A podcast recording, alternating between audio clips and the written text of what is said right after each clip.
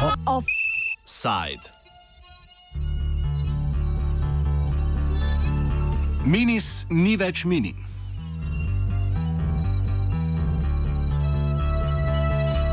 Minis proizvodnje in storitve DOO, majhno podjetje iz Žalca, je od septembra 2012, ko je pričelo s poslovanjem, do novembra 2015 opravljalo posle za živalski vrt Ljubljana, splošno bolnišnico Celje in glasbeno šolo Celje.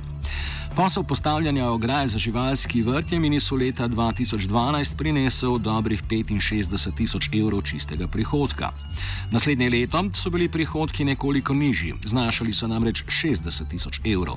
Živalski vrt ima pač le omejeno količino živali in z ogrejevanjem zveri se da zaslužiti le omejeno vsoto denarja.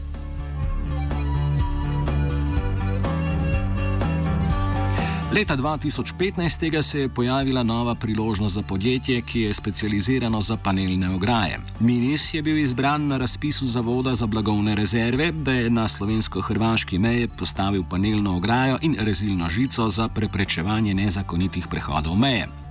Tehnične ovire, kot je žico na meji poimenoval takratni predsednik vlade Miro Cerar, so pač bolj donosen posel kot ograje v živalskih vrtovih. Od novembra 2015 do danes so v podjetju od Zavoda, eh, Zavoda in Ministrstva za notranje zadeve prijeli že dobrih 9 milijonov evrov.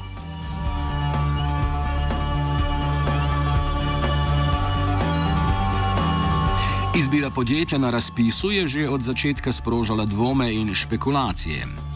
Prej precej neznano podjetje brez referenc in z nizkimi prihodki se je zdelo nenavadna izbira. Aktualna ministrica za infrastrukturo Alenka Bratušek je še kot opozicijska poslanka leta 2017, ko je pridobila v pogled v celotno dokumentacijo, zahtevala, da se zadeva obravnava na zaprti seji parlamentarnega odbora za nadzor javnih financ in da se omakne ocena tajnosti iz dokumentov.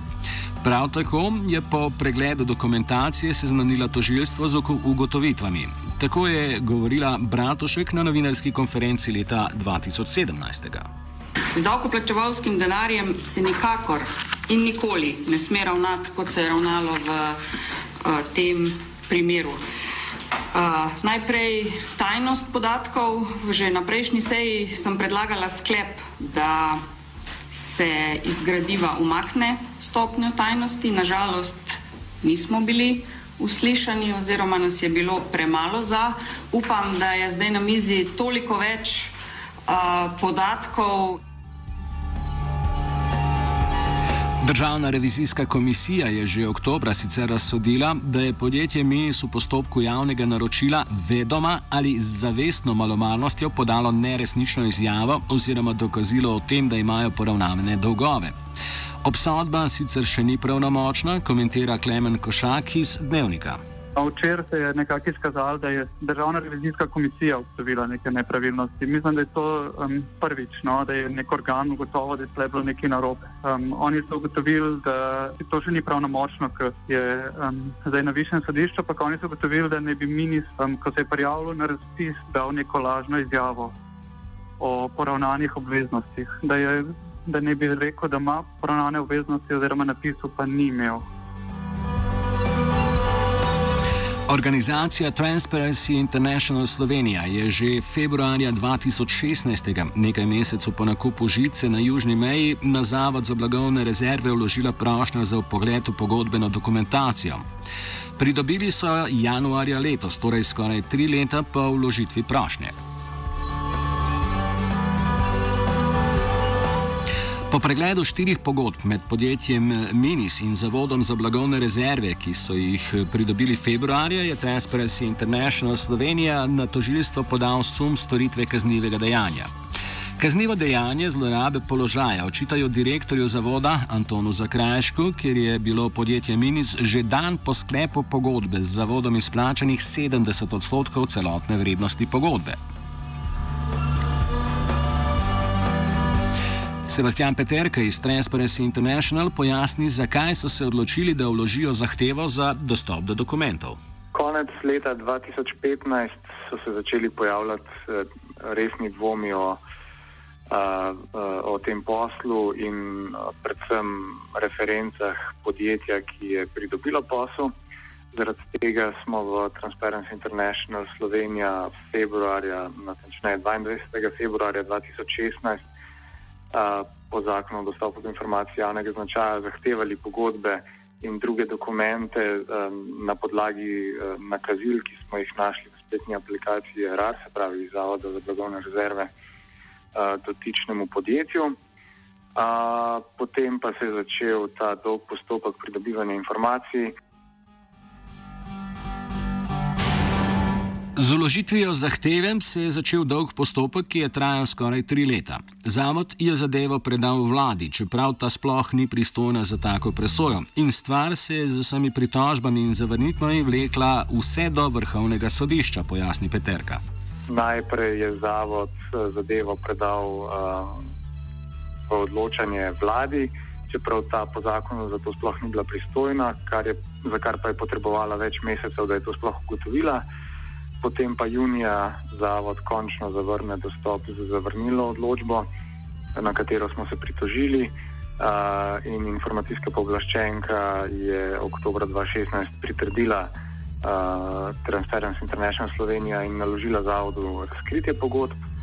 Um, zanimivost recimo tu je, da jasno zapiše, da je pri pogledu v te pogodbe bilo jasno, da gre za tipske pogodbe o nakupu blaga in da so škodne posledice, ki jih je zavod uh, navajal, um, tako neutemeljene. Uh, potem pa novembra zavod sprožil upravni spor uh, zopr to odločbo informacijske povlaščenke in uh, potem traja skoraj dve leti, da upravno sodišče dokončno odloči v zadevi in zavrne argumente zavoda ter mu naloži, da dokumente skladno z odločbo informacijske povlaščenke tudi dostavi. Zavod potem poskuši, poskusi še z izrednim pravnim sredstvom pri vrhovnem sodišču, a mu vrhovno sodišče uh, ne pritrdi to je bilo januarja, tako da potem februarja uh, smo končno pridobili te dokumente um, v Transparency International Slovenija, se pravi skoraj tri leta potem, ko smo prvo vlogo uh, že podali. Direktor zavoda Anton Zakrajšek je vse čas povdarjal, da bi z razkritjem pogodb nastale škodne posledice, da bi bila z javnostjo informacij ogrožena ne le Slovenija, temveč tudi Evropska unija. Vrhovno sodišče mu ni pritrdilo in razsodilo v prid organizacije Transparency International. Dokumenti, ki so jih prijeli do danes, pa ne razkrivajo vseh poslov med zavodom in podjetjem Minis, temveč le tiste, ki se nanašajo na obdobje od novembra 2015 do februarja 2016, ko je organizacija vložila zahtevo za dostop do informacij. Mi smo se pravi, zahtevali dokumente 22. februarja in tam v zahtevku navedli tudi vse transakcije med zavodom in podjetjem v časovnem obdobju med 25. novembrom 2015 in potem februarjem 2016 to, da prejeti dokumenti ne odražajo vseh nakazil, kaže na to, da obstajajo očitno še nekatere druge pogodbe, ki sta jih uh, sklenila zavod in podjetje. Mi smo dodatni zahtevek za dostop do informacij javnega značaja poslali včeraj in tam zahtevali v bistvu vse dokumente. Ki se nanašajo na izvedbo sklepov vlade Republike Slovenije, na podlagi katerih je zavod tudi uh, deloval ker tu ne gre samo za posle z uh, dotičnim podjetjem, ampak še z nekaterimi drugimi podjetji. Stopna tajnosti, s katero so označeni dokumenti, je interno, kar je najnižja stopna tajnosti. Svojim dokumentom jo lahko podeli pravzaprav vsak državni organ, pomeni pa, da bi bilo z razkritjem dokumentov ogroženo delovanje organa, ne pa varnost celotne države, kaj šele Evropske unije. Zavod za blagovne rezerve je v zavrnilni odločbi in kasneje tudi v tožbi zatrjeval vse možne škodne posledice, ki so se osredotočale predvsem na, na domnevno ogrožanje varnosti države, pa zunanje politični zapleti in tako dalje. Razlogov je bilo tu kar nekaj naštetih. Mi smo zatrjevali, da zavod ni izkazal uh, povezave med raz, samim razkritjem pogodbe in temi škodnimi posledicami. Hkrati pa je tudi sodišče na koncu ugotovilo, da če bi zares prihajalo uh, do takšnih škodnih posledic, bi bil zavod skladno z zakonom o tajnih podatkih dolžan označiti um, dokumente z višjo stopno tajnosti, kajti um, dokumenti so bili označeni z najnižjo stopno tajnosti interno, ki pa se uporablja predvsem v primerih, ko gre za škodne posledice samo za organ, ki s temi dokumenti razpolaga, ne pa za varnost države, kot so, kot so oni sami zatrjevali v, v dokumentaciji. V dokumentih, ki jih je Transparency International pridobil januarja, je sporno predvsem izplačilo, pardon, izplačilo 70 odstotkov vrednosti pogodbe dan po sklenitvi pogodbe. Peterka dodaja, da je nemogoče, da bi podjetje Minis v enem dnevu ugodilo vsem pogojem za plačilo, ki so pravno določeni v pogodbi z Zavodom za blagovne rezerve. Hkrati je direktor zavoda včeraj zaterjeval, da do predplačil ni prihajalo, ker da je recimo to prvo nakazilo bilo povezano z že dobavljenim materialom. Pa če pogledamo, da naj, to, naj bi se to nanašalo na panelno ograjo, a, ki je druga pogodba v tem paketu, ampak če pogledamo le to pogodbo, ne, a, ta je bila podpisana 24.11.2015, podjetje je dobilo 452 tisoč evrov takoj naslednji dan. V pogodbi pa jasno piše, da more podjetje pred izdajo računa dobaviti in postaviti panelno ograjo. Zavod mora opraviti količinski in kakovostni prevzem in kontrolo tega prevzema mora opraviti še zunanja kontrolna hiša zavoda in potem mora na podlagi tega prevzema podjetje izdati račun ter zraven priložiti dobavnice, prevzemnice, certifikat kakovosti in tako naprej. In recimo v tej pogodbi je tu uh, plačilo, plačilni rok sedem dni, pa vidimo, da se je plačalo praktično v 24 urah po podpisu pogodbe in mi uh, dvomimo, da je v, le v tem enem dnevu bilo mogoče opraviti tako postavitev nekaj kilometrov ograje, kot tudi uh, opraviti vsa ta upravila, ki sem jih naštel, se pravi od prevzema in izdaje računa. Tako da je tu še kar nekaj neznank, na katere direktor včeraj ni zadovoljivo odgovoril. Po desedaj znanih podatkih še vedno ni jasno, zakaj je posel postavitve panelne ograje in rezilne žice dobilo prav podjetje Minis. Direktor zavoda Anton Zakrajšek je zatrjeval, da je bila referenca za izbiro podjetja posel, ki ga je za Ministrstvo za notranje zadeve Minis že opravil. Toda dokumentacija kaže, da je Minis posel z ministrstvom sklenil potem, ko je bila sklenjena pogodba z Zavodom za blagovne rezerve pojasnila direktorja včeraj pred mediji, nekatere te sume bolj poglabljajo, kot se razjasnjujejo. Denimo sam je navedel, da je referenca za podjetje Minis bila pogodba oziroma posel z Ministrstvom za notranje zadeve, čež da je podjetje z, za ministrstvo že upravljalo postavljanje ograje, pa je potem iz pogodb z eh, MNZ-jem, ki so bile prav tako objavljene, izhaja, da je v bistvu MNZ sklenil pogodbo z Minisom dva dni potem, ko je Zavod za blagovne rezerve že podpisal prvi dve pogodbi in dan potem, ko je Zavod za blagovne rezerve že nakazal prvi del kupnine, 452 tisoč evrov. Za dostop do informacij o nakupu rezilne žice so zaprosili tudi novinarji časnika Dnevnik, med njimi Uroš Kerl Kramberger že leta 2015. Po poročanju Krambergerja takrat sploh ni bilo jasno, kateri državni organ je pristojen za izvajanje nakupa žice in se je bilo zato še toliko težje dokopati do dokumentacije.